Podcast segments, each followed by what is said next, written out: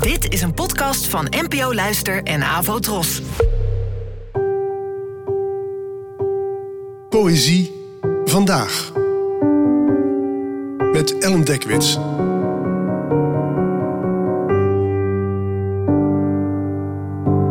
Hallo, fijn dat je luistert.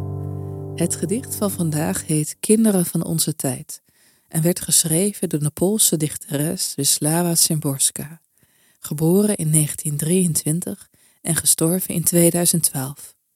Het werd vertaald door Gerard Rasch. Kinderen van onze tijd. Wij zijn kinderen van onze tijd en onze tijd is politiek. Al jouw, onze, jullie dagzaken, nachtzaken zijn politieke zaken.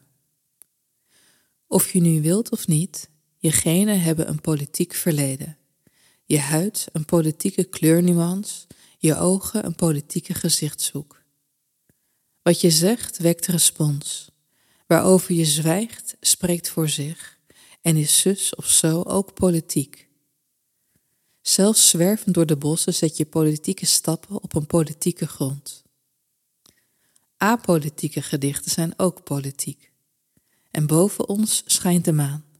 Niet meer onze maan, maar punt van discussie. Zijn of niet zijn, dat is de kwestie. Wat voor kwestie antwoord, mijn beste? Een politieke kwestie. Je hoeft niet eens een menselijk wezen te zijn om politiek gezien iets te betekenen.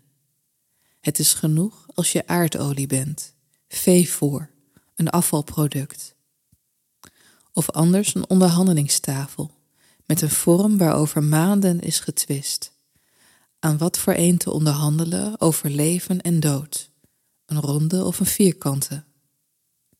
Intussen kwamen mensen om, stierven dieren, brandden huizen af en verwilderden velden, als in lang vervlogen tijden, met minder politiek.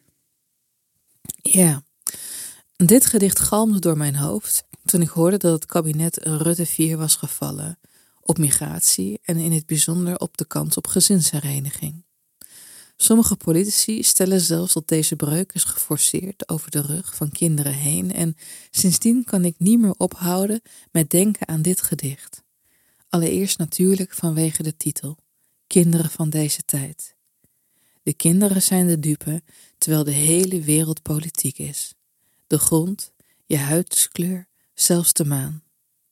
Alles wordt gereduceerd tot deze dimensie. Maar dan zijn daar die regels, dat terwijl er wordt gediscussieerd over zogenaamd louter politieke kwesties, er ook mensen omkomen. Want beleid beïnvloedt levens, maar kan ook levens kosten. En misschien is dat iets om in het achterhoofd te houden als we straks in november de zoveelste gang naar het stemhokje mogen maken. Bedankt voor het luisteren en tot de volgende keer. Afro Tros, de omroep voor ons.